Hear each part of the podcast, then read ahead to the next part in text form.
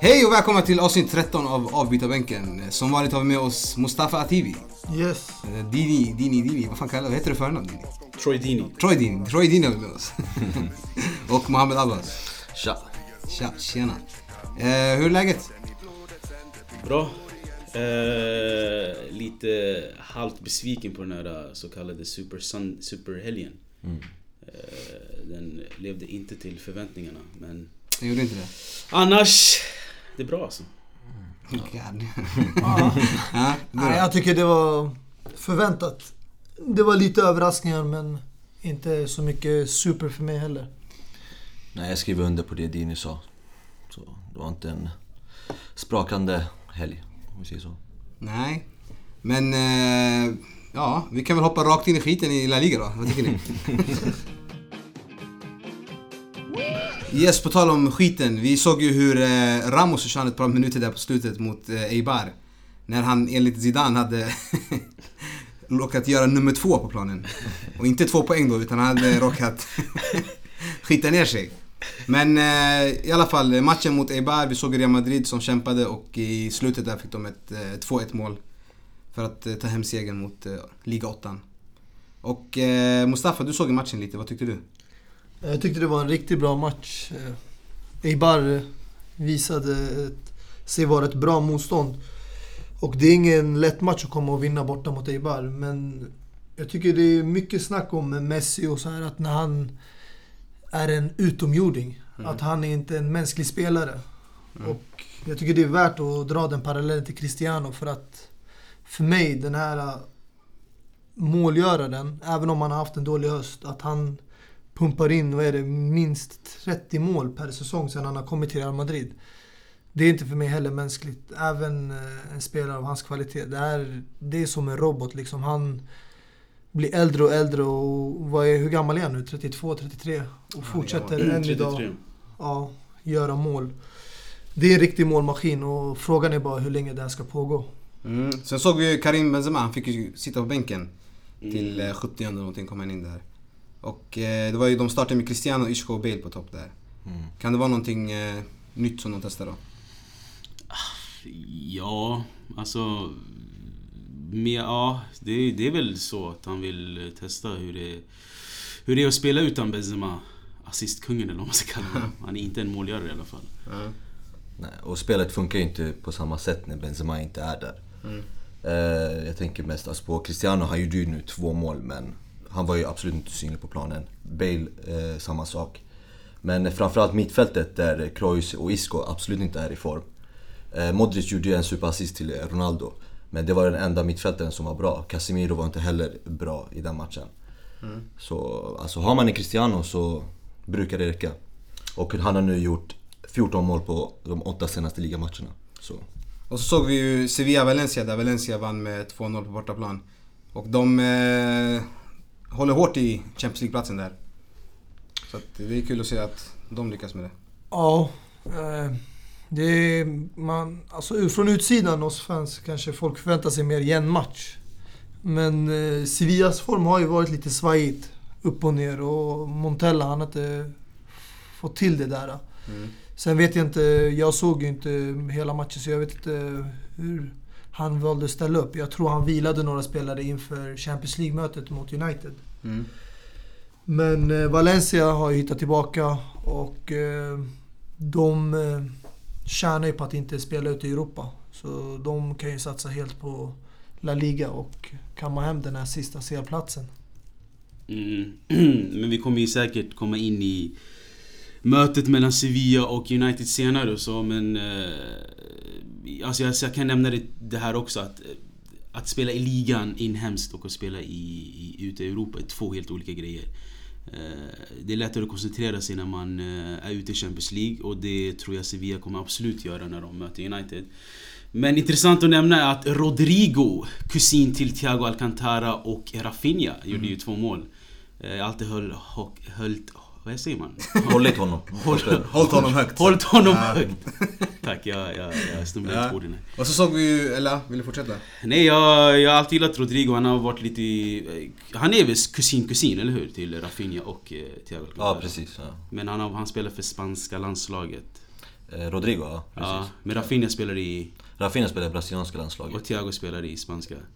Precis. Så det är, det är, en, det är, en, det är en worldwide family alltså. Vilken jävla släkt alltså. Så såg vi ju eh, Interlånet Kondogbia Abbas som eh, gjorde två assist. Ja, kung. Joffrey Kondogbia. Han är ju enligt mig och jag hoppas från alla andras eh, La Liga-tittare. Ja. Eh, Det är för mig den bästa eh, La Liga-värvningen som de har gjort den här säsongen. Starka ord. Nej men alltså han levererar ju varje match han spelar och förutom att han spelar så bra som han gör så gör han även poäng vilket är riktigt bra för en sån spelare som inte ska göra det. Så det är väldigt positivt och jag som ett Inter-fan eh, hoppas verkligen att de inte köper honom. Och eh, med tanke på att eh, Valencia inte har en bra ekonomi så, kanske, så lär det kanske inte hända men... Men är det en köpoption, Valencia? Ja precis, de har köpoption. Och vi har ju också en köpoption på Cancelo som även är på lån till oss från Valencia. Så om du fick välja bara på uh, fråga raka. Mm. Vill du hellre ha Cancelo kvar i Inter eller hämta tillbaka K-Dog? Oh, vet du, det är väldigt, väldigt svår fråga för Cancelo är ju en väldigt, väldigt bra spelare också. Han har ju visat hur bra han är. Men, men. Jag tror faktiskt att jag skulle vilja ha Kondogbia tillbaka. Sen eh, såg vi ju Malaga-Barca 2-0 där eh, Barca ställde upp utan Messi som eh, hade assisterat sin fru och fått en ny unge. Han bara fortsätter assistera va? Och eh, de ställde ju upp med ett anfall där med eh, Osman Dembele och Suarez. Och Coutinho fick spela lite på vänsterkanten där. Och eh, redan efter 30 minuter så stod det ju 2-0, eller 0-2. Och de hade ett rött kort på Garcia. Såg ni den matchen grabbar? Ja, jag hade lite koll på den. Men eh, jag tyckte det var en förväntad vinst. De mötte liksom eh, jumbolaget i La Liga som har eh, ja, inte varit alls bra den här säsongen. Eh, Man kanske förväntar sig mer i en match med tanke på att eh, Barca saknade Messi. Men Mm. jag tycker Barcelona har tillräckligt mycket kvalitet i laget för att ta hem sådana här matcher utan problem. Och den dagen visade de det. Att det här ska man göra. Även med spelare som Osman Dembele som har varit skadebenägen och Coutinho som är ny i laget. Men eh, det verkar som att de smälter in ganska bra men samtidigt, Mm. det är inte det bästa motståndet heller. Med eh, Osman Dembele som fick spela från start där och jag tycker han var matchens bästa spelare, enligt mig i alla fall. Gjorde ett Mm. riktigt bra jobb där på högerkanten. Ja, eh, men jag tycker det är lite för tidigt att säga att han kanske har hittat hem helt och hållet. Men vad då är Dembeles bästa position där Messi spelar, då är det riktigt illa alltså. Om det är bara där han är bra. Nej, han spelade på kanten där. Han var inte, i, han var inte bakom anfallare. Alltså Messi brukar ju ha en fri eh, roll i Samtidigt som Barcelona. han har hela högra kor- korridoren. Men jag menar om Dembeles bästa position är eh, högra flanken, så är det kört.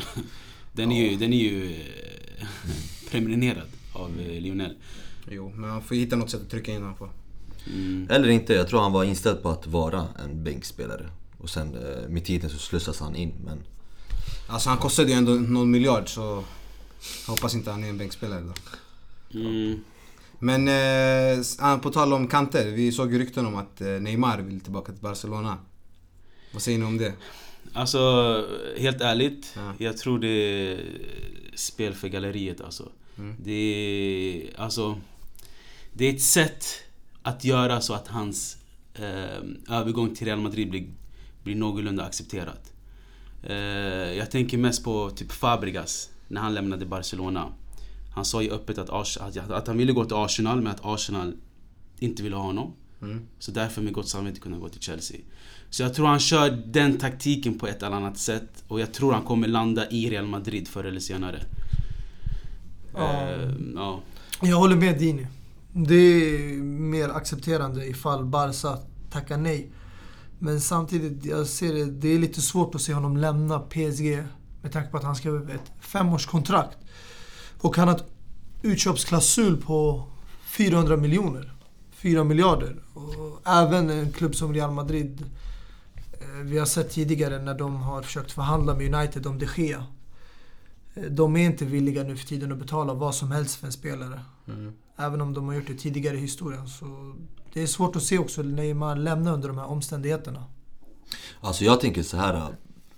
Om Neymar har erbjudit sig själv till Barcelona, varför hämtar man inte tillbaka honom? Det är min första tanke. Varför hämtar inte du bara tillbaka en spelare, en sån här stor spelare när han kan gå tillbaka till ett lag som han har spelat och varit riktigt bra i? Men alltså, för, det, därför jag tror inte det här är sant alltså att han verkligen har erbjudit Nej, jag sig tror själv. det- För det, det, gör han det, många har sagt att han gör det på grund av att han vill han, han vill att, den här, att det ska bli acceptabelt när, när, han ska, när han väl går till Real Madrid. Jag ser inte på det sättet. Vill han tillbaka till Barcelona så lär han väl gå dit också. Men alltså jag menar, han lämnade ju inte Barca på det bästa sättet heller. Jag tycker inte heller på att det var ett dåligt sätt heller. Så det, Hur, hur han lämnade det? Ja, hur lämnade han? Han lämnade bara. Han ville, han ville ha en Ja, men utmaning. det var bråk med klubbledningen. Ja, det, det var... Det var det var, alltså det var, det blev bara gross över hela... Spelare som Piqué och Messi försökte övertala honom att stanna kvar. Jo men alltså inte själva kanske med spelarna och så, men med klubbledningen och så vidare. Man, man skapade en hel hashtag Det kan inte vara så att, att, att som Dini säger att, eh, att han vet att de inte har råd att köpa tillbaka honom. De har inte 2-3 miljarder, miljarder över. Jag- det är ett spel för gallerierna bara. Jag tror inte. Barcelona har eh, tillräckligt med pengar för att köpa honom. Om Real Madrid har det så har det även Barcelona det. Speciellt när det kommer till en sån här stor spelare som har till och med spelat där. Jag kan bara tänka mig hur han skulle spela i det här laget nu, som de har nu. Bara Neymar, Coutinho, Messi, Suarez och hela det här. Alltså det blir bara eh, Ja, överdrivet. Men jag, Så, och även om han nu har haft problem med klubbledningen. Det är inte laget, det är inte tränaren, det är inte det. Klubbledningen byter man ut, eller man kan lösa det på ett sätt. Men får jag fråga, vad var meningen att han lämnade Barcelona då? Var det inte för att han vill bli the guy i laget? Jo, exakt. Ja. Jag tror han kan bli det i Barcelona igen. Ja, men tror jag, jag tror inte heller han kan bli det i Real Madrid om inte Cristiano Ronaldo. Men- Ja, men jag, men tror det det, är det jag jag tror det är det som är planen. ja, Det exakt, det. att han Cristiano- ersätter eh, Krille. Och Han närmar ju sitt slut. Ja, och eh, som jag sa tidigare också att eh, jag tror det är en skön lång semester i Paris för Neymar alltså, För han vet sitt slutgiltiga mål och det är i Madrid. Eh, och jag tror, exakt, jag tror inte heller han vill gå tillbaka till Barca. Eh, om vi förutspår att Messi spelar fortfarande kvar där. Jag tror en av anledningarna var att han ville bli that guy. Eh, så eh, jag tror det är en taktisk plan till eh, Madrid som Neymar håller på med. Känns som de kommer bygga upp en ny Galacticos i sommar Madrid. De måste alltså, de måste. Ja. Och så såg vi ju Griezmann som eh, tog ledningen mot Celta Vigo. Där Atletico Madrid vann 3-0. Griezmann, tror ni han är någonting, han har ju ryktats ganska mycket till Barcelona. Är han någonting som passar in? Nej, det är svårt att se. Då måste Barcelona göra av sig med antingen Osman Dembele eller Suarez. Sådana liknande spelare. Alltså för att det är den positionen Griezmann skulle ta. Och det kanske blir så att eh, Barcelona tappar tålamodet med Osman Dembele. Men jag har svårt att se det för att han är så pass ung. Så han har ändå lång framtid framför sig. Ja, det är fel spelare att leta efter. För Griezmann är ingen ytter och han är inte heller en anfallare. Han är en liknande spelartyp som Messi och behöver en fri roll där. Och den enda som spelaren som kan ha den här fria rollen i Barcelona är bara Messi. Det är Så det. enkelt Alltså, man vill ju komma bort från att värva likadana spelare hela tiden. Sånt som hela tiden händer i United, sånt som händer i PSG. Alltså för lika spelare kommer inte ge en bredd i truppen. Men alltså helt ärligt, jag är inte heller så övertygad om Antoine Griezmann. Vilken typ av spelare han är. Är han bra? Är han dålig? Är han en spelare som kan lyfta lag? Jag har svårt att se han förbi hela det här äh, det här blonda håret och showen och hela det där. Alltså, är han verkligen en världsstjärna som alla håller honom till? Alltså jag personligen, jag tror om Barca skulle värva honom, Mm. han skulle vara samma spelartyp som David Villa. För David Villa, han gick mycket ut på kanterna. Han var inte bara centralt. Han rörde sig ut höger, vänster när han spelade i Barcelona. Och han kunde anpassa sig. Och han är en striker i samma kroppsform som Griezmann. Han var inte jättestor. Han var ingen huvudspelare som nickade. David Villa, du är för David Villa och Griezmann nu. Jag Ja. måste... Det var märklig- Det var en riktigt märklig jämförelse. För det första, David Villa är en av mina favoritanfallare alltså, genom tiderna. Okej. Och David Villas avslut, det är få som har det alltså.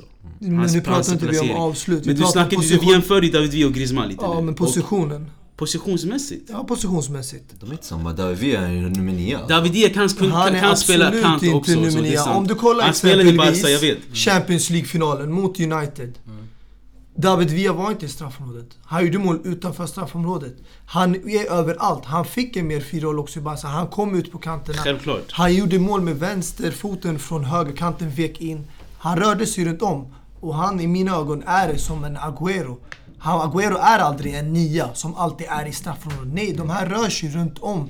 Ut till hörnkanten, runt om i straffområdet. De kommer ibland till planen och möter. Och det var så. Och sen hade inte han en långvarig tid i Barca, men det kan vara på, på grund av hans ålder. Men jag tror definitivt Griezmann skulle kunna passa in i Barca. Men då måste de göra av sig med en spelare kanske som Osman Dembele. Eller kanske om de går vidare från Suarez. Men jag ser inte att det är liksom något som kommer hända inom snar framtid.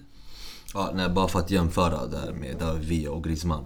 Alltså, du nämnde att David Villa var lite som Agüero. Ja. Och de här två spelarna är inte som Griezmann.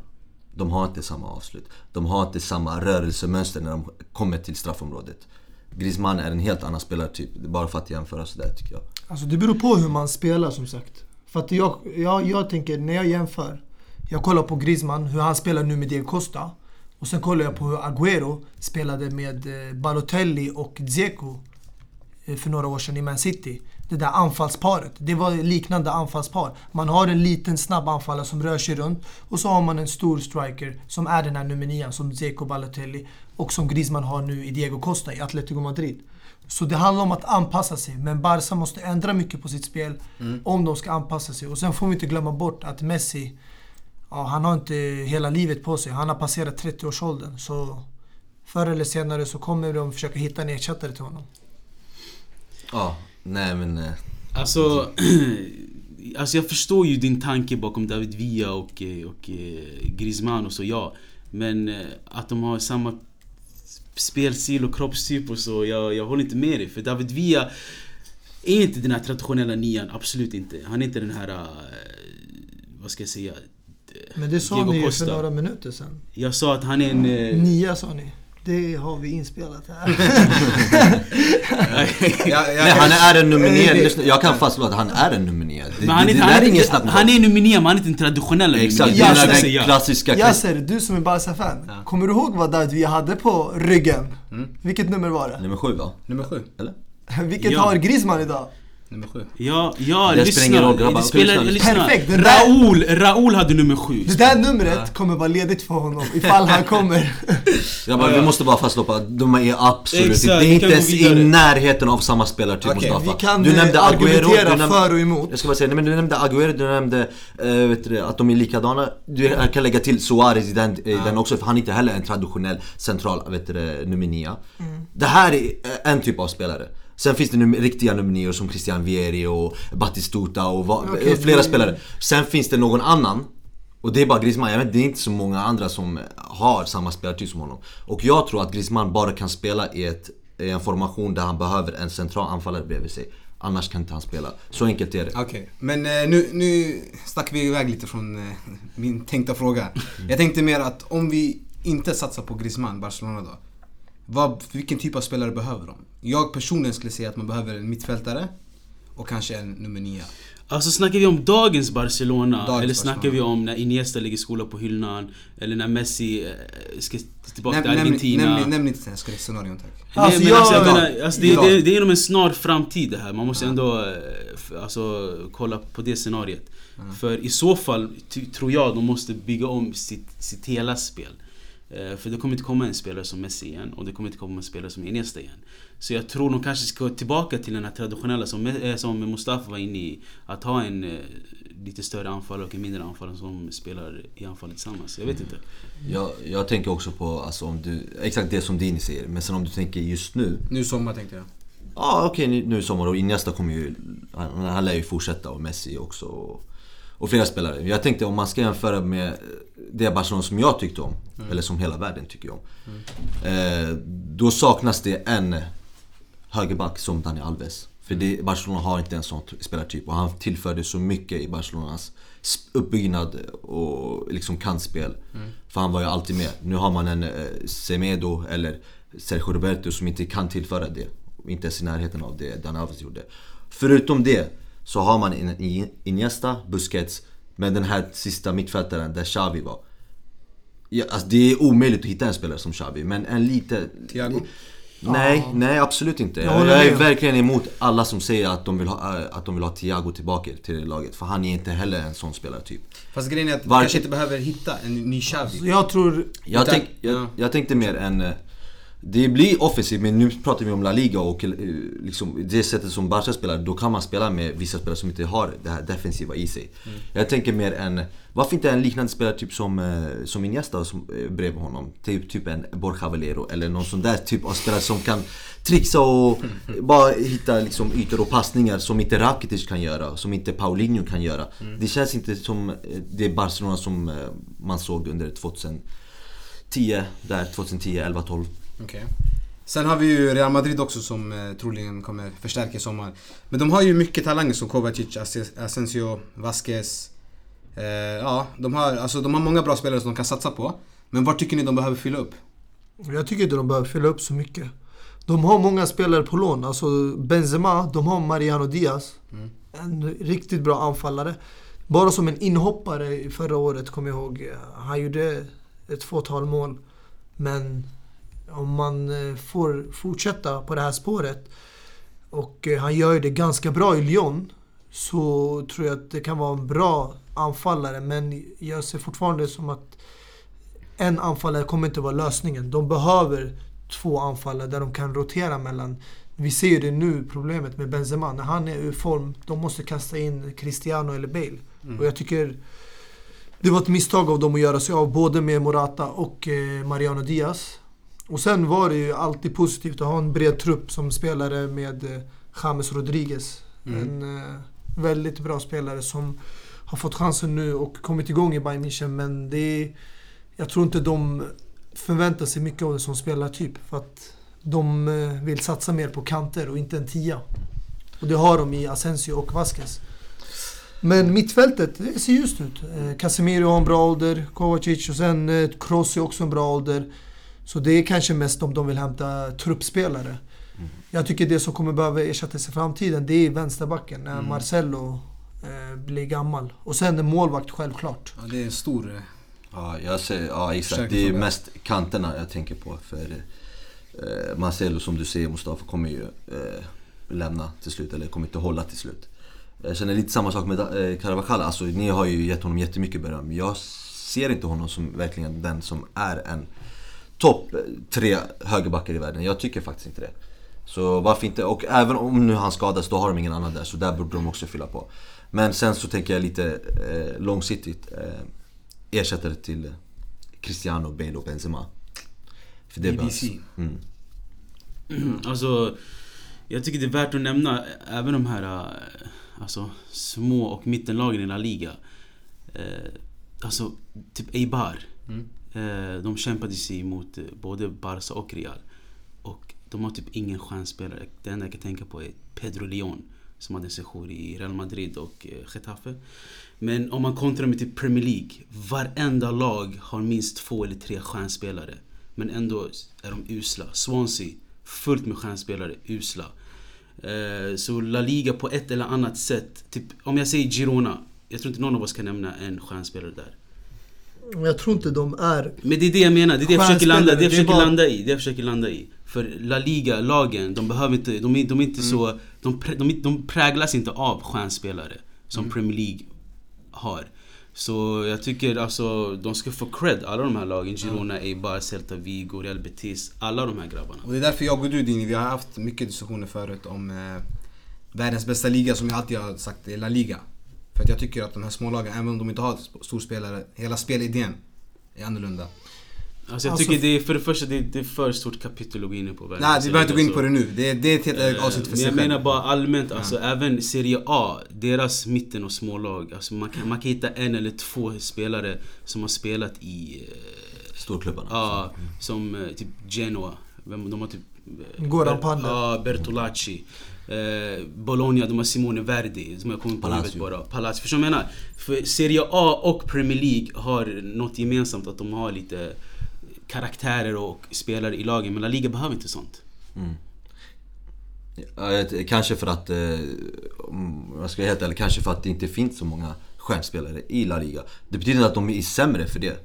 Tvärtom, jag känner att det är mycket bättre om du Ja. har stjärnspelare i laget. Grejen är jag kanske skulle ha sagt bättre val namnkunniga spelare. Det är kanske är ett bättre val. Ja, precis. Jag vill bara avsluta med att jag tror det är på grund av media runt England.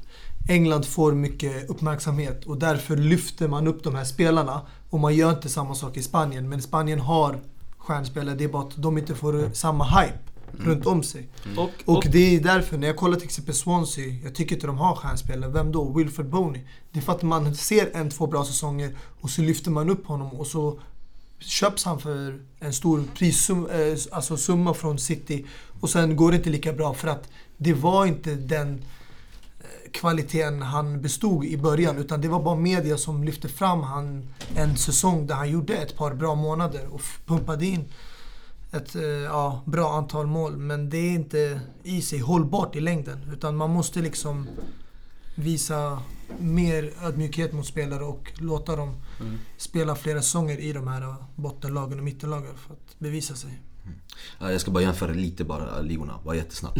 Eh, i La Liga, vill du vara en stjärnspelare så spelar du i de topp tre klubbarna, i, eller topp fyra i, i La Liga. eh, Vilket är Real Madrid, Barcelona, Atletico Madrid och Valencia, Sevilla där någonstans. Inte ens dem. Premier League, jag känner att det är bara pengar där. Det spelar ingen roll eh, vad det är. Alltså det är bara pengarna. Det, alltså du kan köpa vilken spelare du vill där. Eh, så länge du ger honom ett, eh, klubben, eh, det rätta priset för honom och sen hans lön. Så det räcker. Det finns inte i Spanien och inte heller i Italien. För i Italien finns det, känner jag, en massa spelare som eh, är duktiga men spelar de inte i laget så, så kan de inte acceptera att vara bänk. Då accepterar de en annan flytt till en mindre, eh, mindre klubb i Serie A. Så, som kan eh, ge dem eh, speltid. Och det räcker bara så. Och för det brukar alltid vara spelare som inte är eh, antingen slut eller håller. ja, egentligen, jag vill bara fylla i det du sa. Premier League det handlar bara om pengar alltså. Och spe, alltså, eh, lag som West Bromwich kan hämta en spelare som Krychowiak på lån från PSG. Eh, Crystal Palace kan köpa Benteke. Förstår du vad jag menar? Som, Crystal Palace som ligger på en nedflyttningsplats i Premier League. Så allt handlar om eh, pengar och jag vill ersätta mitt ord till stjärnspelare som sagt till namnkunnigare spelare. Det är allt jag vill ha att säga. Om vi fortsätter i Serie A, den klassiska ligan. Där eh, det var mycket fina resultat i helgen med Fiorentina som fick spela efter deras eh, lagkapten hade gått bort. I 13 minuten så stoppade de ju matchen och eh, applåderade. Det var inte ett enda torrt öga på arenan måste jag säga. Och eh, de vann efter 1-0 där. Men eh, sen hade vi ändå andra resultat som Juventus Udinese som eh, efter två mål av Paolo Dybala. Ja, det var ju min helgens lirare förra veckan i alla fall. Ja.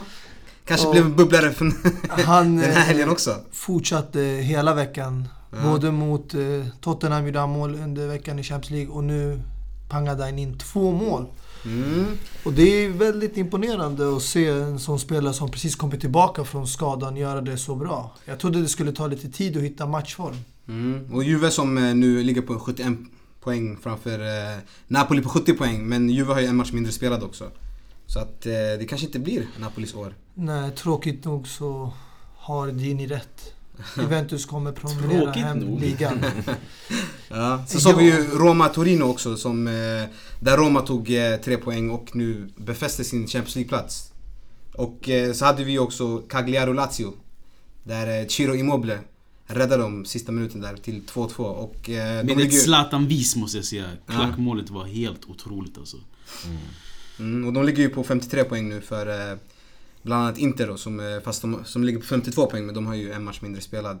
Exakt. På grund av derbyt som blev uppflyttat. Ja. Och så har vi ju Genoa-Milan där eh, André Silva, sista minuten, Mm. bara, gjorde, sitt, gjorde sitt viktigaste mål fast han inte gjort något mål innan. Jag tror det här var jätteviktigt för Mm. Milan. För de kommer troligtvis åka ut i Europa League. Jag gillar Så hur... eh, det här blir deras enda chans kanske att kvala Champions League i ligan. Om jag de gillar hur kylig Gattuso var efter Mm. 94 mål. Eh, lite olikt honom men... Ja, ja Milan som vi, som vi skrattade åt innan lite. De har ju eh, Klättrat upp. klättrat upp minst sagt. De har ju vunnit eh, deras fyra senaste matcher utan att få ett enda mål emot sig. I ligan tänker I jag. ligan då tänker jag på. Och eh, ja, så är de ju de obesegrade nio matcher i ligan. Sen eh, första gången sen februari 2016.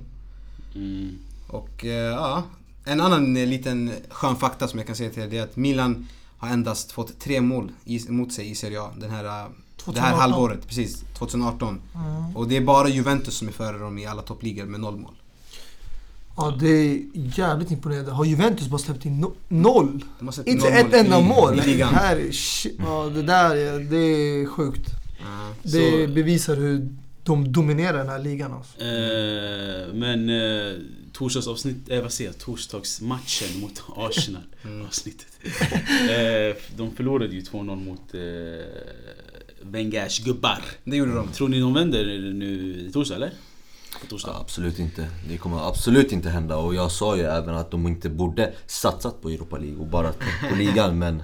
Vem ni? Alltså att de borde satsa på fjärdeplatsen? Ja, satsat bara på liksom ligan och inte bara köra Alltså jag... eh, Europa League. Och jag tänker, jag ser Milan, jag ser bara samma startelva spela hela, eh, alltså varje match. Och det kommer ju absolut inte hålla i längden. Ja. Ja, samma sak som man Inter och det stämde ju. Exakt.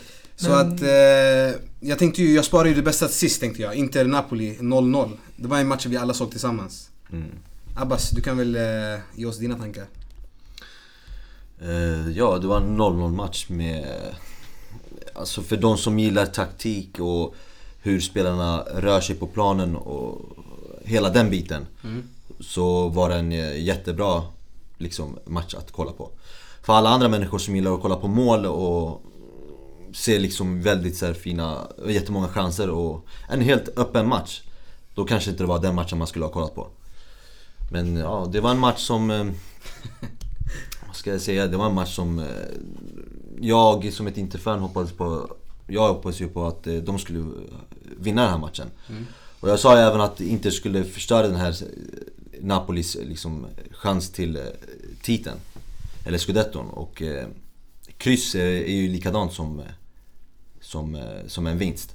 Alltså det, för de behövde ju tre poäng. För en poäng kommer ju inte räcka för dem att, så att de kan knappa igen på, Napoli, eller på Juventus. Så ja, det var bara det. Det är inte så mycket annars man kan nämna om matchen. Men utanför matchen kan man väl nämna mycket, eller hur? Ja, det var ju en hel del som hände. Det var ju Spalletti bland annat som eh, gick hårt mot sitt eget lag och sa att han inte kan förbättra Inter. Han har försökt hela säsongen och det finns helt enkelt ingen kvalitet i laget.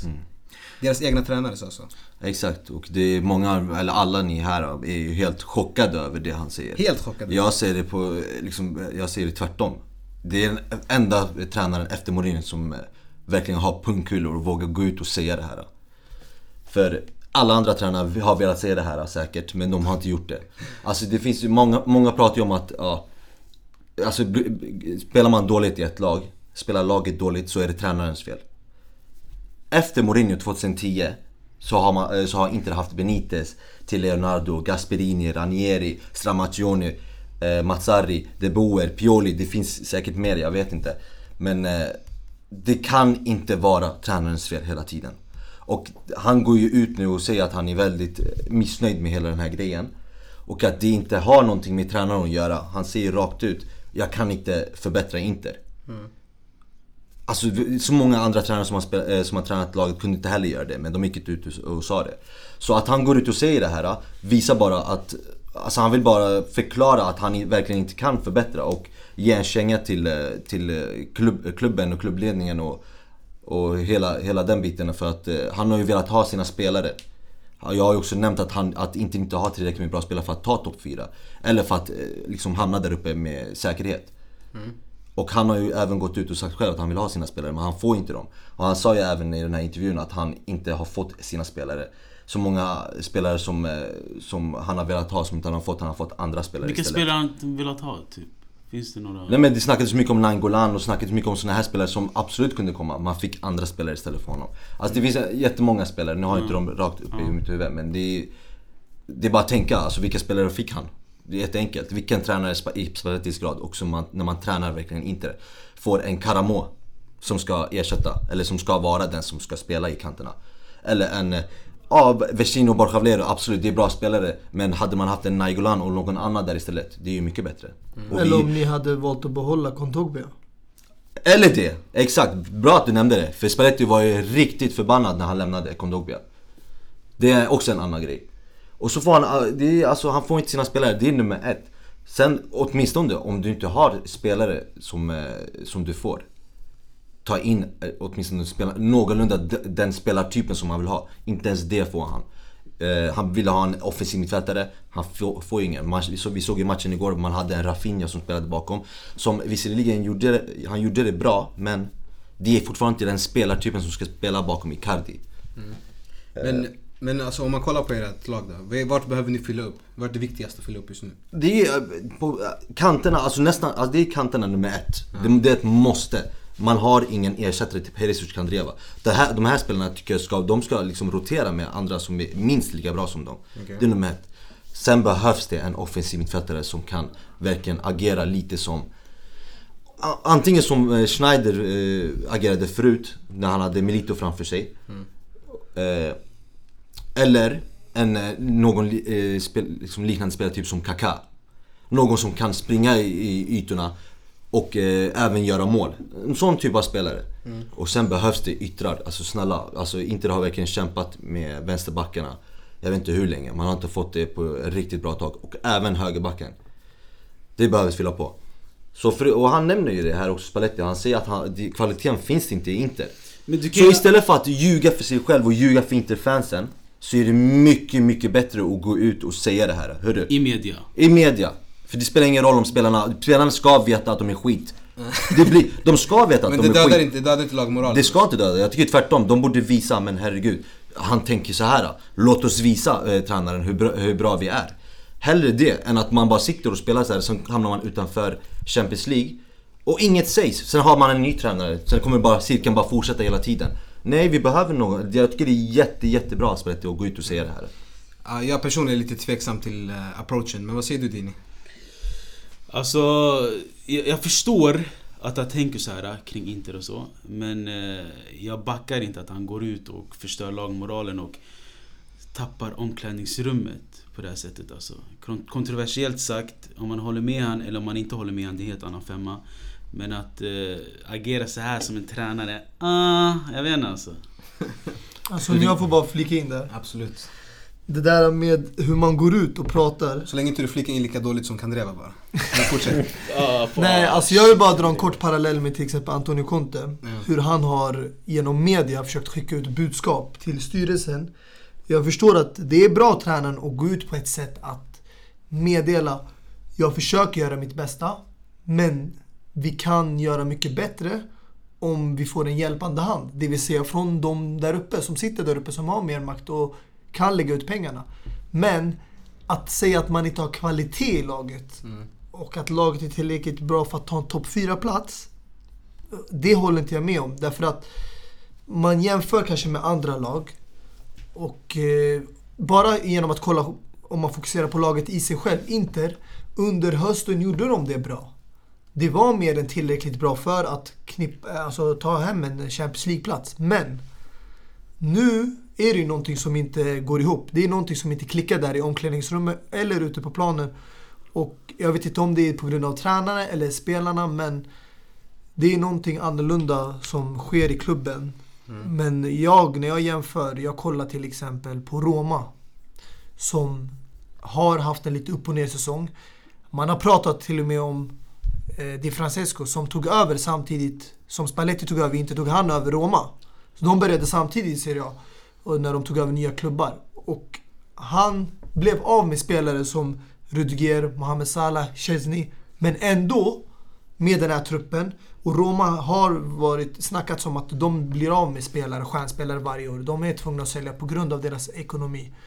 Så lyckas de ändå ta hem en Champions League-plats. Nu är inte säsongen över så vi kan inte säga som att allting är klart. Men Roma hade en jättedålig form under februari månad. De var under all kritik.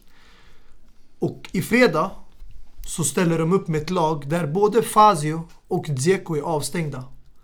Och ett lag där de hämtat in en Kolarov, vänsterytter, som Inter kanske kunde ha konkurrerat med för han kom helt gratis från Man City. En sån här spelare som ville lämna och klubben ville bli av med honom. Det är en bra kvalitetsspelare. De hämtar in honom, Kolarov. Och de använder unga spelare som Senkic under. De hämtar en spelare, Sharawi, som var bortkastad från Milan, var lån i Monaco och hämtade in honom. Och de här spelade nu tillsammans med en Schick som har varit lite ja, skadad under säsongen. och lyckades ändå vinna 3-0 hemma mot Torino. Det är en eh, säker, bra vinst eh, med tanke på att eh, viktiga spelpjäser fattades från laget. Och eh, sen har de ju även Champions League att tänka på eh, under veckan mot Shakhtar. Så jag tycker det, det går att ar- bearbeta med laget. Det handlar bara om att göra det på rätt sätt. Ibland måste man testa nya formationer. Ibland måste man kanske våga ta risker med spelare som inte har fått chansen, som inte har varit startspelare tidigare. Och eh, det är det som man gör i Roma och de har ju lyckats. Sen vet jag inte om det kommer fortsätta på samma spår. Men jag tror inte det kan förbättra sig med det här laget innan säsongen tar slut. Men då måste stora förändringar ske inom klubben. Alltså tränaren och hans beslut och val och hur han motiverar sina spelare. Mm.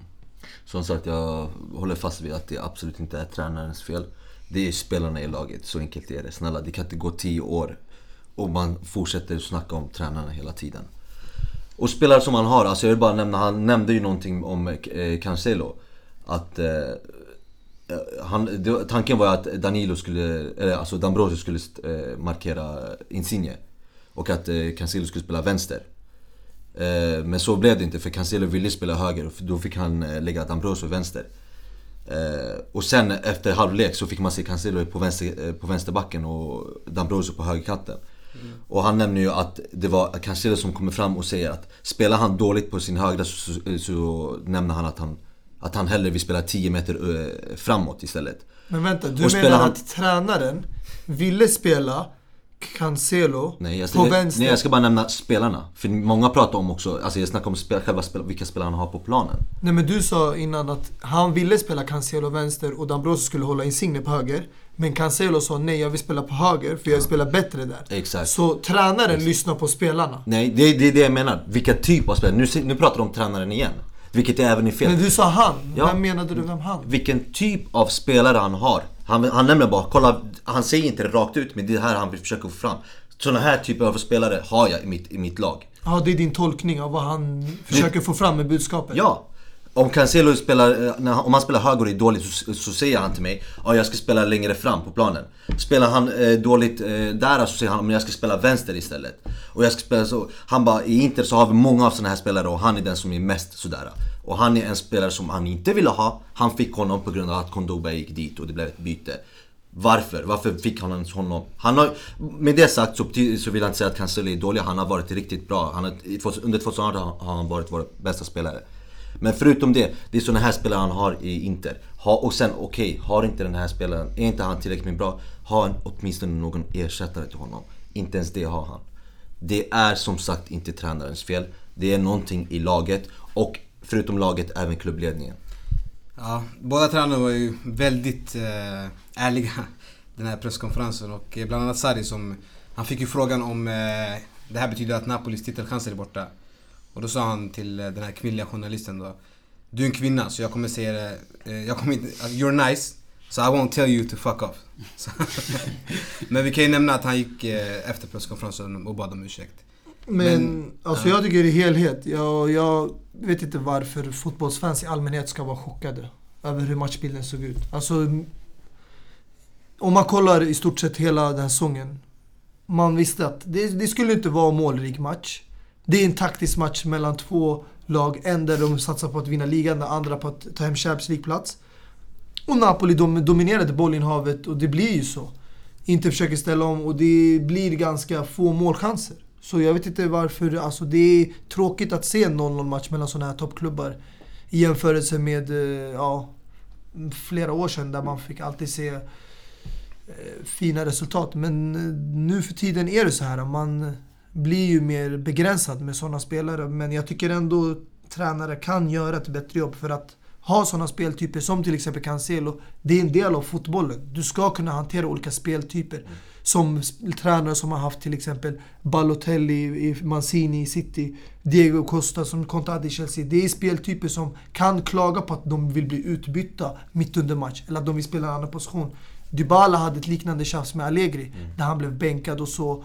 Och nu gör han det ändå bra under samma tränare. Så man kan lösa de här problemen och komma tillbaka. Och, och hur, hur gör de det? Hur kommer de tillbaka? Eller hur ändrar han själva grejen? Du nämnde Dybala, du nämnde Balotelli i City, du nämnde, eller Inter också. Ta bort Balotelli i Inter eller City. Du har en Milito, en Eto'o, en Pandev, en vad du vill. City, Dzeko, eh, Agüero. Vem, vem var det du nämnde mer? Eh, Dybala, Higuain, Mandzukic, vem du vill. Här, Inter, Cancelo. Och vem ska vi ta in?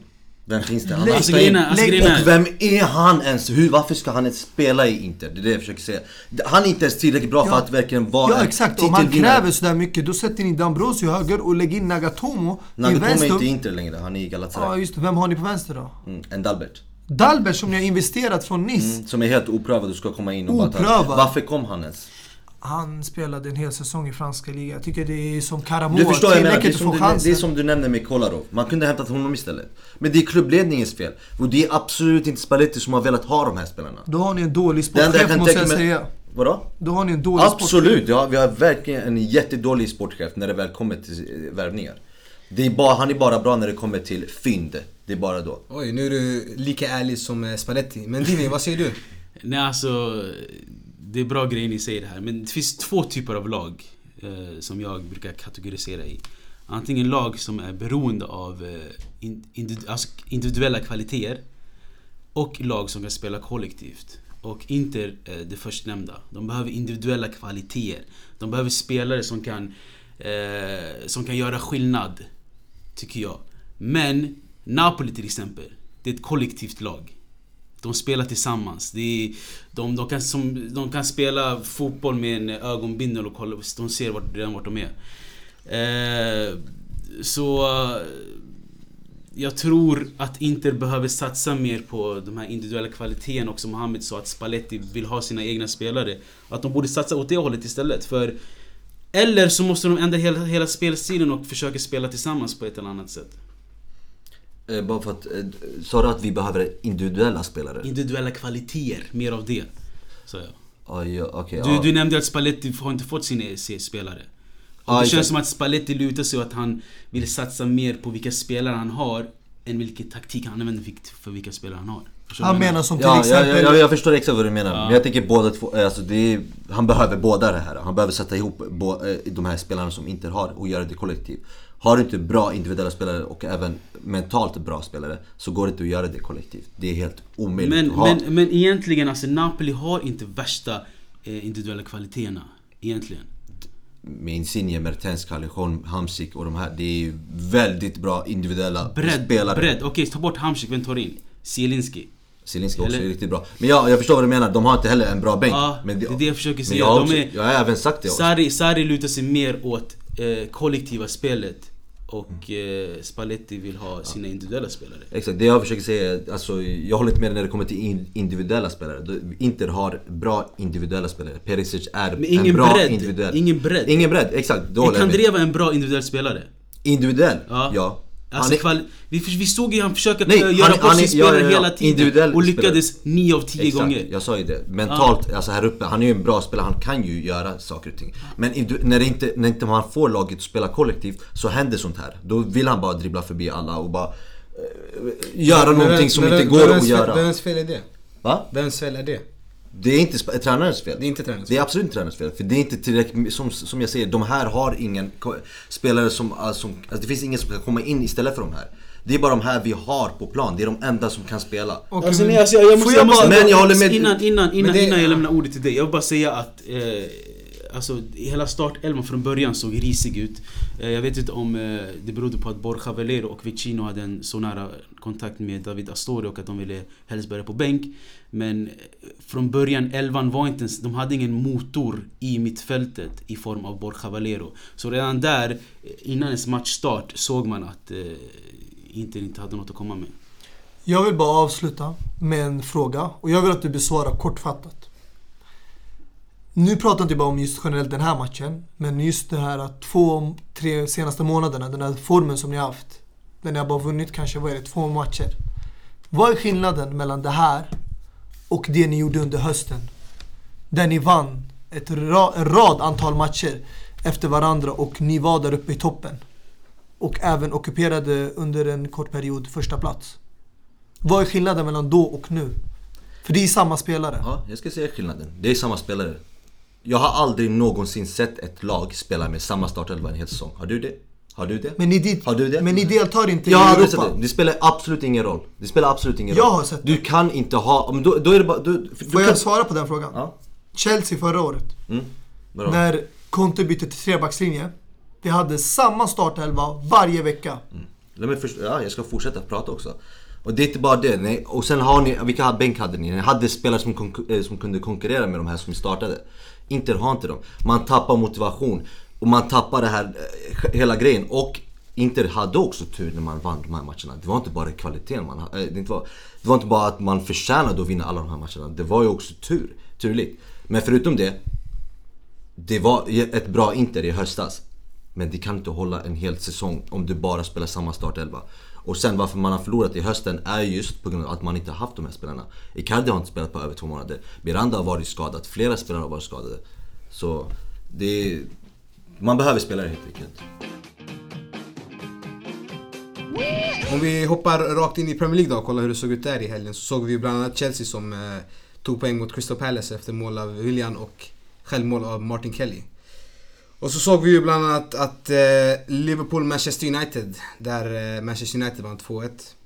Och eh, Arsenal-Watford, där Arsenal vann eh, 3-0 efter mål av Mustafi och eh, Pierre-Emerick Aubameyang och Mkhitaryan.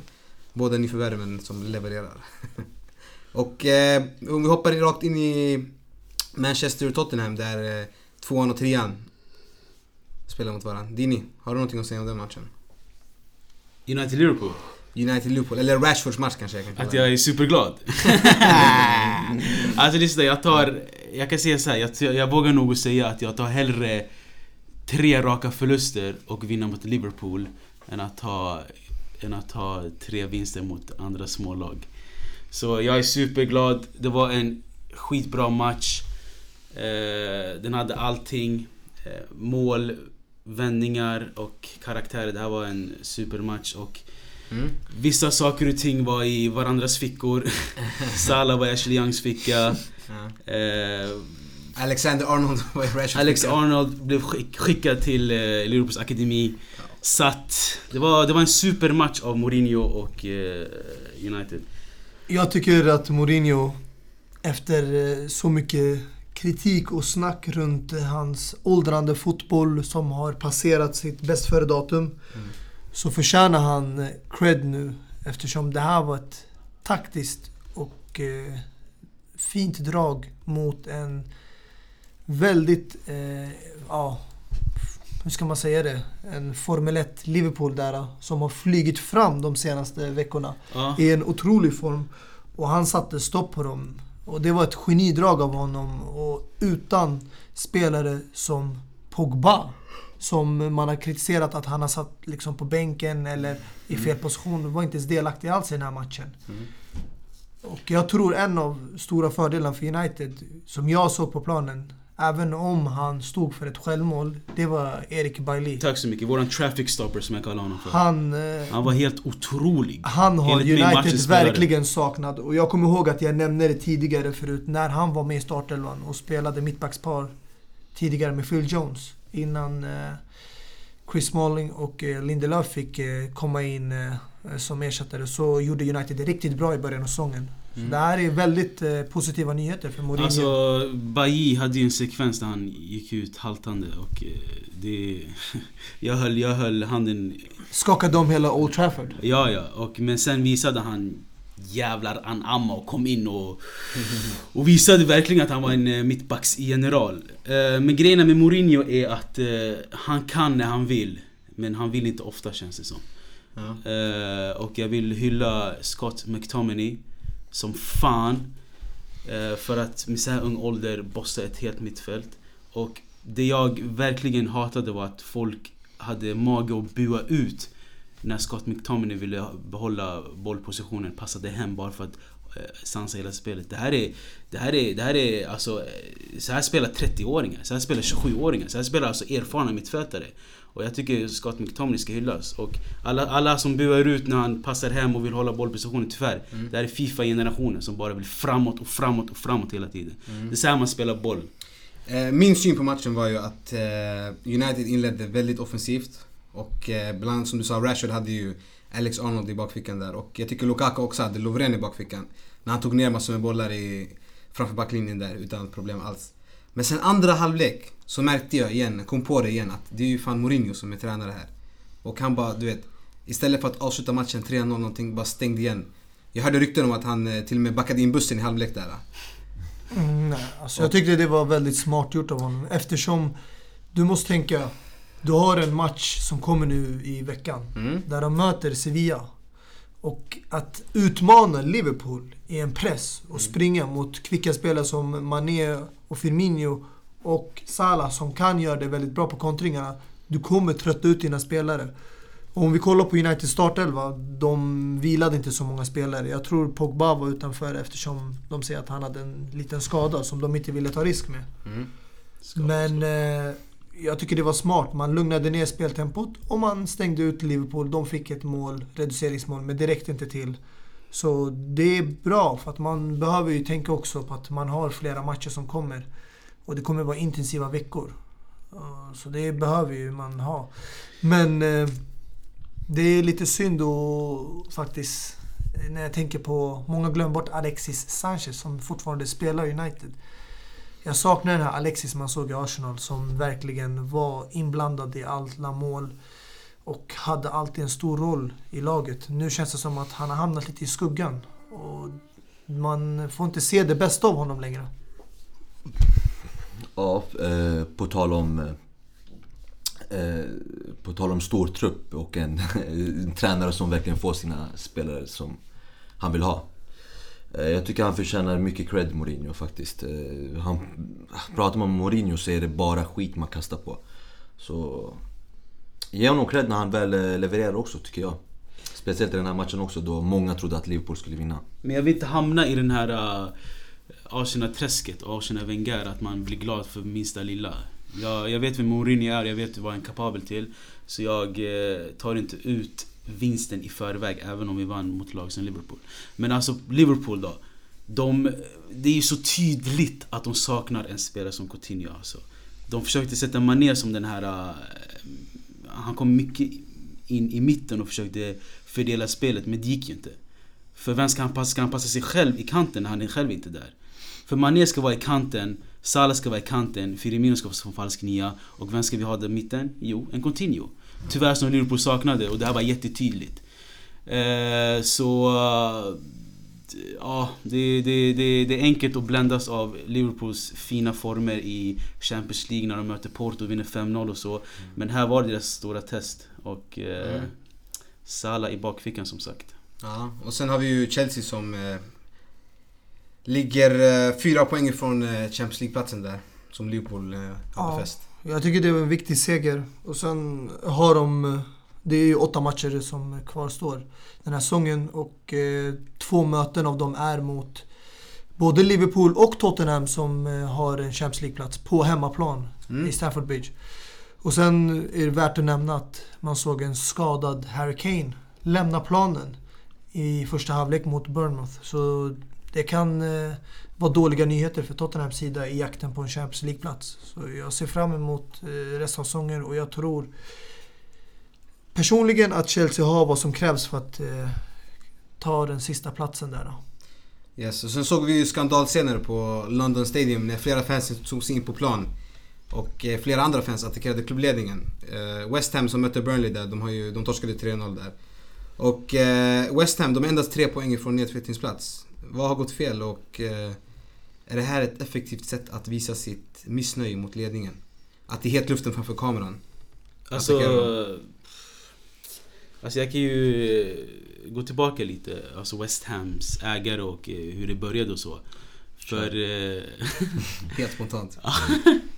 jag, vet, jag är inte så insatt i West Ham och så men grejen är Deras två ägare nu, Go- Gold och Sullivan eh, Köpte ju upp laget från isländska ägare 2010 Mm. Och de gav direkt hopp till West Ham-fansen om att eh, de, de, de räddade liksom laget från de här isländska ägarna och de eh, sa att vi ska satsa på sjunde och åttonde plats. Eh, de började med liksom att sparka Gianfranco Zola eh, som enligt mig var kanske ett bra val. Men ersatte honom med Avram Grant som kom från en nedflyttningsplats med Bournemouth. Vilket var mindre bra. Eh, Så detta mönster har verkligen upprepats hela tiden i West Ham. De vägrar ge ersättning för eh, tränare, hämta tränare. Och de har aldrig betalat en ersättning för att värva en tränare. Men de har en gång bara betalat en ersättning för att ge sig av med tränare. Så det här är ett typiskt mönster som West Ham eh, cirkulerar kring. Och Eh, de flesta gångerna har man pratat om hela tiden stora övergångar och stora nyförvärv. Men det slutar alltid att man hämtar in lånspelare med begränsningar och så. Så eh, som sagt, man kan agera så här som West Ham-fansen gjorde. Eller så kan man agera som Arsenal-fansen gjorde och hålla banners och säga Wenger out. Och eh, det leder mig in på en fråga till Abbas faktiskt. Abbas, du som sa att du tyckte att Arsenal-fansen kanske borde, borde protestera på, på ett sätt. Kan det här vara ett sätt att protestera på? Att de ställer sig mitt i matchen, stoppar matchen framför klubbledningen och visar sitt missnöje? Eh, var det under matchen? Det här var under matchen. Där de stoppade alltså? Alltså de hoppade in under olika sekvenser under matchen. Och eh, då avbröts matchen och man var tvungen att ta ut de här supporterna som invaderade på fotbollsplanen. Okej. Absolut, varför inte? Alltså jag tycker aldrig det ska ske under en match. Men eh, när det närmar sig slutet av säsongen och man har bara tre poäng ner till nedflyttningsplatsen. Varför inte? Absolut. Men alltså, sen man kollar ju liksom på deras startelva. Ja, det, är vissa spelare som, är, som sticker ut lite men det är inte tillräckligt bra spelare. Man kan inte förvänta sig att de ska vara över halva, halva liksom, där mitten i tabellen.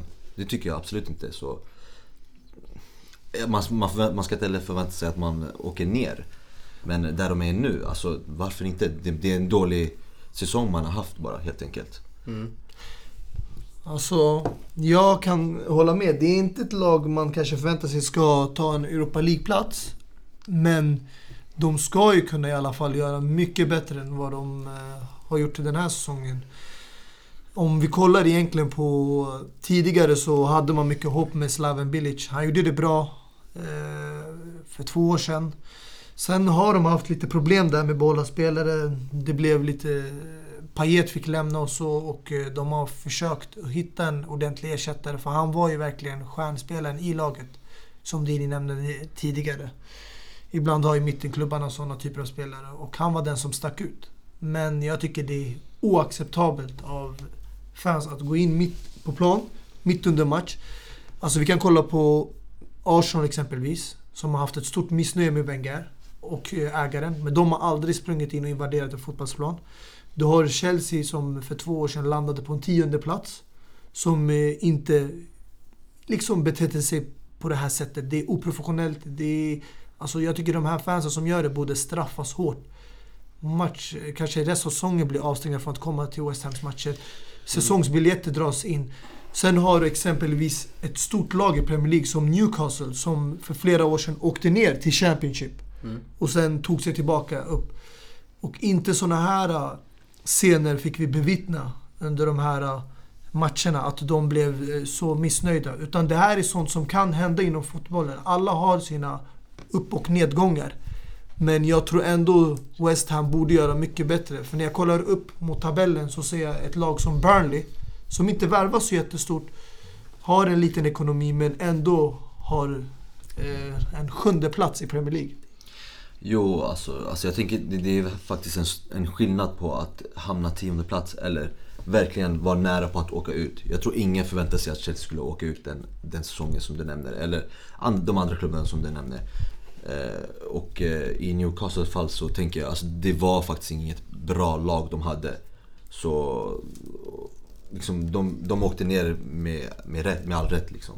West Ham däremot, de, vi pratade ju, pratade ju om att de har värvat sina spelare som de har värvat. Och det är liksom många 20 plus eh, miljoner värvningar som de har värvat. Så man ska förvänta sig att de ska ligga där i mitten. Men dessa 20 miljoner plus eh, värvningarna är inte bra spelare. Så därför ska de ligga där de ligger nu. Men att, eh, att man som ett fan och att publiken protesterar på ett sätt så, så som de gjorde. Ja, varför inte? Alltså helt ärligt. Det, man vill ju bara skaka liv i, i de här spelarna och klubben. Och visa hörru, det, här, det kommer absolut inte vara acceptabelt om vi åker ner till Championship. Så ryck upp er typ. Den, den grejen. Jag tycker absolut inte det är fel.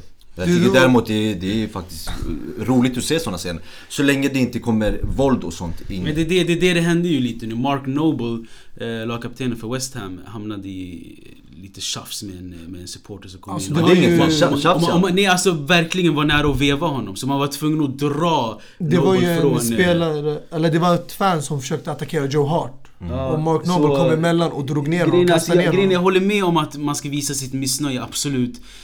Men även om man gillar mycket scener och mycket karaktärer. Men samtidigt, det här är inte ett bra sätt att göra det. För du påverkar inte bara dina egna spelare. Du påverkar även familjerna och barnen och fansen som kommer och kollar för att kolla på West Ham Burnley. Så visa, visa ditt missnöje men inte så här vulgärt. det var Ja, ju... som, som sagt, jag såg inte matchen och jag såg inte heller hela den här sekvensen så jag vet inte exakt hur det, hur det såg ut. mm. Men är det något våld i det, är det något, alltså utstrålar det våld ut till spelarna eller något sånt där så håller jag absolut inte med. Några de- händelser under det skedet, det var ju Burnley-spelarna som satt på bänken. De tog ju in några barn från läktaren Ja, ja. ner till där Bänken, där bänken spelarna där spelarna sitter oj. för att skydda dem från kaoset som skedde på läktaren så att de inte skulle bli skadade och drabbas. Och sen, jag tycker West Ham-ägarna skickade också ut jävligt dåliga signaler när de lämnade planen efter 85 minuter tror jag det var.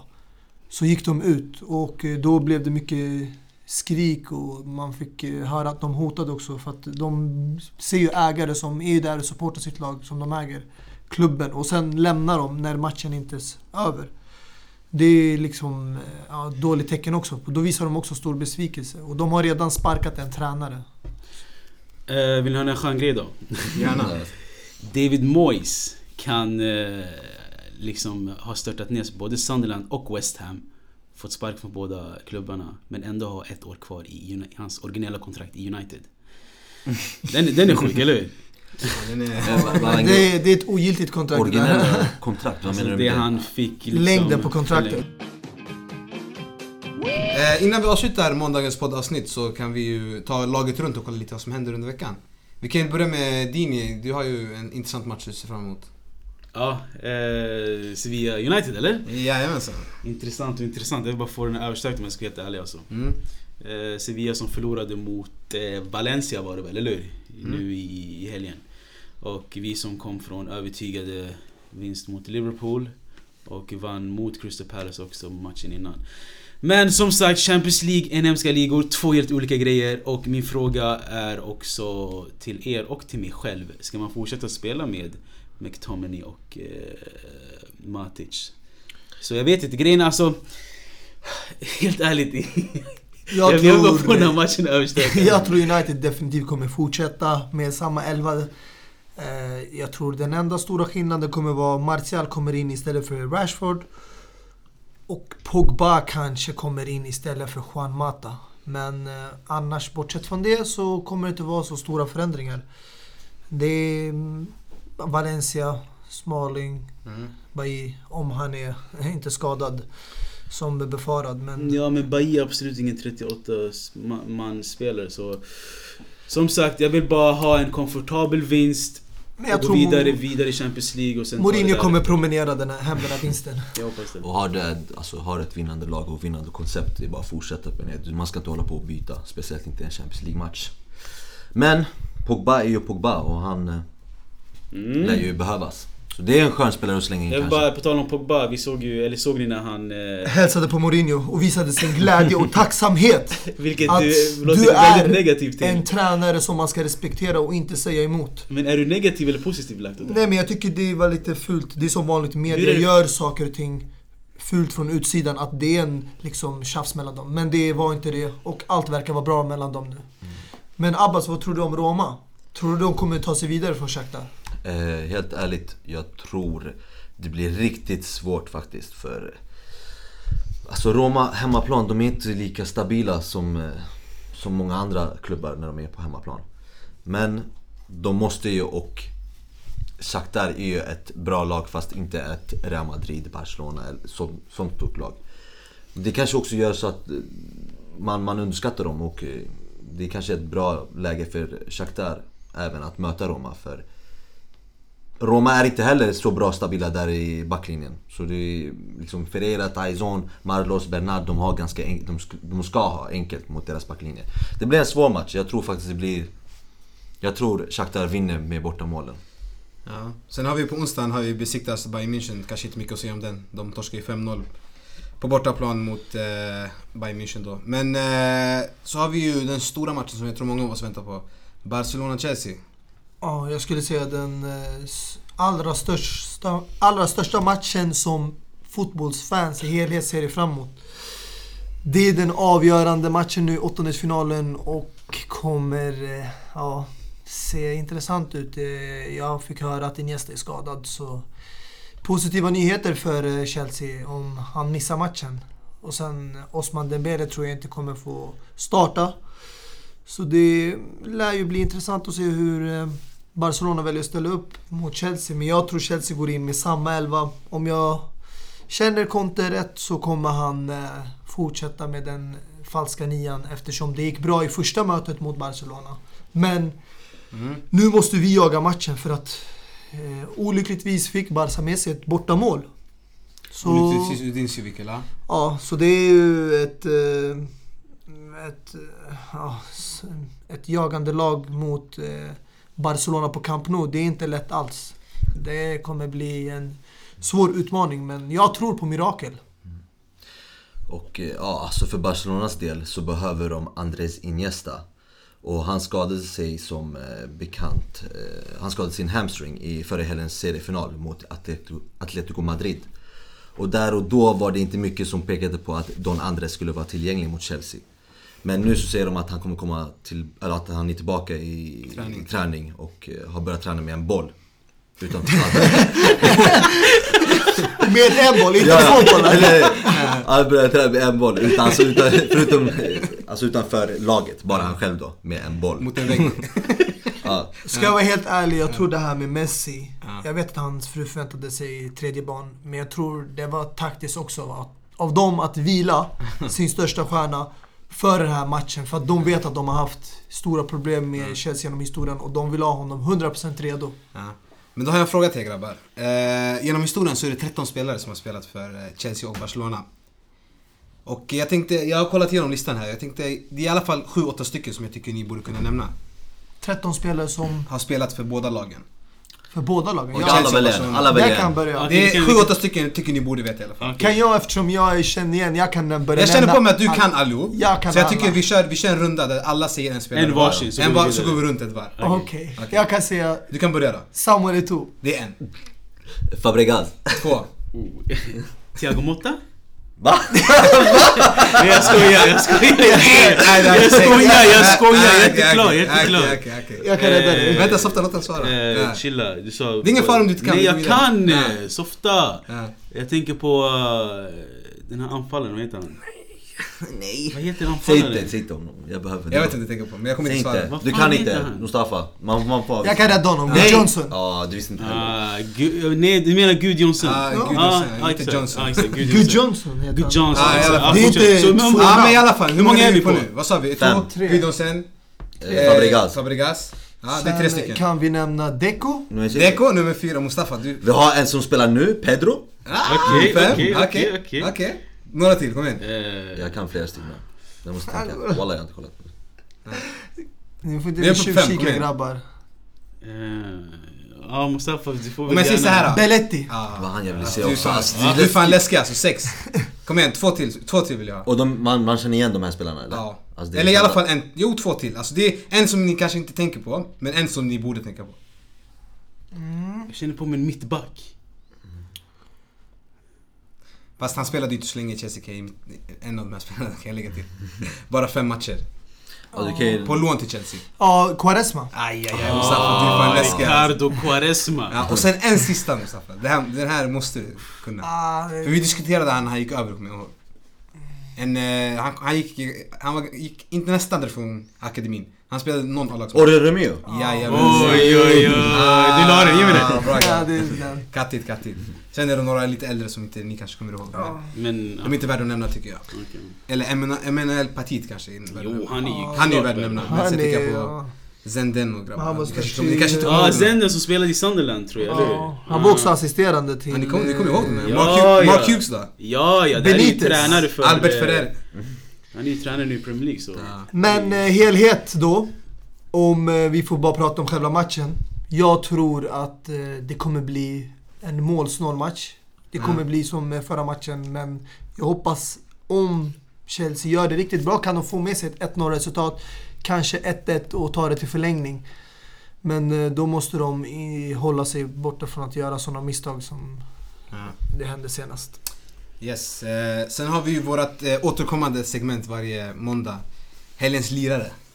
Jag kan ta och börja eh, där redan. Du kan börja Mustafa om du känner Jag vill dyka in rakt in i Tyskland och Bundesliga och nämna Robert Lewandowski. Oh. Okej. Jag trodde han skulle ta min alltså. Stod för ett hattrick. Ja.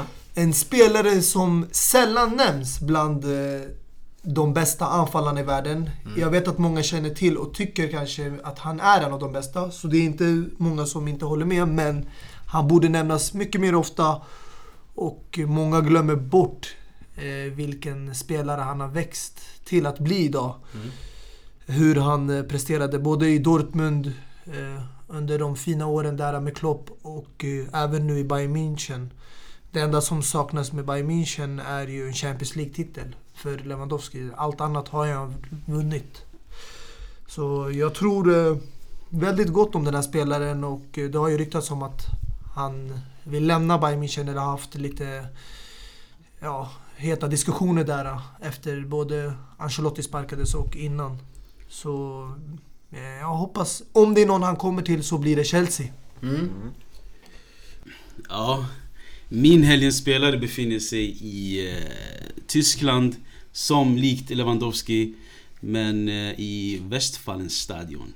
Även om han inte gjorde något mål eller någon assist tror jag vill jag ändå utmärka han för att han är tillbaka på riktigt nu. Min spelare är Marco Reus. Och eh, jag såg eh, ett klipp häromdagen att han har nu gjort mål mot alla 18 lag i Bundesliga. Inklusive Dortmund när han spelade i Mönchengladbach och inklusive Gladbach när han spelade i Dortmund. Så Marco Reus sa även också tidigare i veckan att han kommer inte missa VM på grund av skada. Så om man missar, om, om man missar VM är det på grund av annat men absolut inte på grund av skada. Så välkommen tillbaka Marco Reus. Ja, eh, alltså om jag ska vara helt ärlig grabbar. Jag tycker inte att det fanns någon spelare där ute som utmärkte sig på ett enastående sätt. Eh, så jag får väl välja min broder King eh, Joffrey Kondogbia som min eh, helgens spelare. För eh, runt Joffrey Kondogbia så finns det inga tvivel längre. Du tog honom bara en match i Valencia-tröjan i höstas att skaka av sig de tvivel som han bar med sig från en turbulent session i Inter. Eh, och nu är han liksom verkligen den bästa spelaren i Valencia och med facit i hand nu så gjorde han det bästa valet att lämna Inter. Och visar verkligen vad han går för i Valencia-tröjan. Så respekt till dig. Mm, intressant. Och eh, min helgens lirare, det är faktiskt min son. Och inte min son som ni kanske tänker på där hemma, utan eh, spelare min son i Tottenham. Som eh, har gjort fem mål på tre matcher och bland annat gjorde två mål i helgen nu och gjorde ett mål mot eh, Juventus i Champions League. Så att eh, det är min helgens lirare. Ja, och om vi hoppar eh, rakt in i dagens eh, lyssnarfråga som vi har fått från Aymen från eh, Dubai faktiskt. Jag vet inte om han översätter våran podd eller om han eh, kan svenska, men han har i alla fall skrivit en tittarfråga där han säger Om Pogba, eller lyssnarfråga heter det fan. Om Pogba är fit, ska han starta mot Sevilla? Om ja eller nej, varför? Jag tycker Dini borde få besvara den här. Ja, Vi kan börja med Dini. Det är väl en fråga till oss alla, men jag kan absolut börja. Eh, ja, det tycker jag. Men i så fall tycker jag man ska bilda ett tremanna mittfält med Matic, McTominay och Pogba. Eh, alltså... Jag vet, den är, den är svår att svara på direkt men Pogba är Pogba och Pogba besitter värsta kvaliteterna och så. Men eh, vi såg han, vi såg, vi såg, spe, vi såg oss spela själv, eller hur säger man? Förlåt. Vi såg United spela utan Pogba mot Liverpool. Mm. Eh, och eh, det gick helt magnifikt. Men eh, jag tycker absolut ändå att Pogba ska få spela. Men inte på kostnad på att McTominay ska bli bänkad, för han har varit helt magnifik. Ja, jag håller med faktiskt. Skriver under det Dini sa för... Vi har varit inne på det med Pogba. Alltså jag tycker att han borde... Om han ska spela så ska han spela precis bakom anfallaren. Vilket jag inte tycker att han ska göra det. Men ska han spela så ska han spela där eller i ett tremanna mittfält. Och han ska inte göra det på bekostnad av McTominay. Ja, för mig det beror på liksom hur eh, Mourinho väljer att ställa upp. Om han startar med Pogba, då handlar det om vilken trio han startar där uppe med. För att jag tycker inte... Eh, om Martial ska starta så Lukaku kommer ju självklart vara start. Då kommer ju Mata vara tvungen att lämna plats. Och jag tycker eh, ja, Juan Mata har gjort det riktigt bra de senaste matcherna för United. Tyvärr, även om folk inte håller med mig, så i nuläget så skulle jag sätta Mata före Sanchez i startelvan. För att han har det här uh, spelsinnet, han kan hålla i boll, han möter bollen långt ner på plan och han har väldigt bra passningar, en fin vänsterfot. Så om Pogba startar så kommer det vara svårt för tränaren att välja mellan då om han ska satsa på kontringar ännu en gång, vilket jag inte tror United-fansen vill se på hemmaplan. Jag tror de vill se dem föra matchen mm på hemmaplan och eh, ta hem den här segern. Yes, vi får se hur eh, de ställer upp då med eh, Pogba som verkar vara på good terms med Mourinho. Efter deras handskaknings slash kram i, i. Kanske var ett tecken att han vill starta. Men det var väl allt för oss och vi är tillbaka på torsdag med lite mer sköna ämnen och analyser. Ja. Har ni något att säga sista? Nej, mer att eh, fan fortsätt skicka in uh, tittar, vad heter det? Lyssnarfrågor. Lyssnarfrågor, kommentarer, fan Rå hit allt så svarar du på saker och ting. Följ oss på Facebook, Instagram, på Avbytarbänken, Snap, vad fan har vi med? Snapchat, Twitter. Allt. All, bokstavligen alla sociala medier, vi är där. Jag Yes. tror till och med vi har en drive. Google drive. Men ja, det är bra. Tack så mycket. Tack för oss och vi ses på torsdag. Yes, vi hörs. Peace! Koppla bort våran tillvaro, släppa sorgerna till baskon Glömma bort allting och bara dansa. Musiken är vår trognaste vän Så vi gör horus med den. Checka moveselen har den i blodet sen? Det blir bor igen, så normal vi fortsätter dansa.